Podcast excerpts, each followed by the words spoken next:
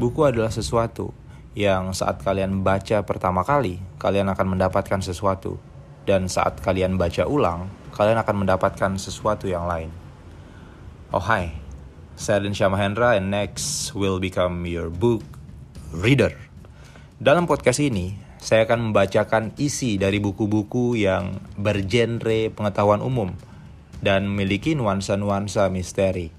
Akan saya buka dengan buku bestseller internasional berjudul Buku Sejarah Dunia yang Disembunyikan karya Jonathan Black.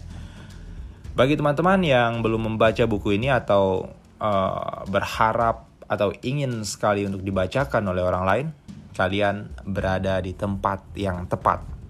Dan bagi kalian yang ingin menonton versi videonya, kalian bisa cek di YouTube Situ kan cerita Erdin Syah Mahendra.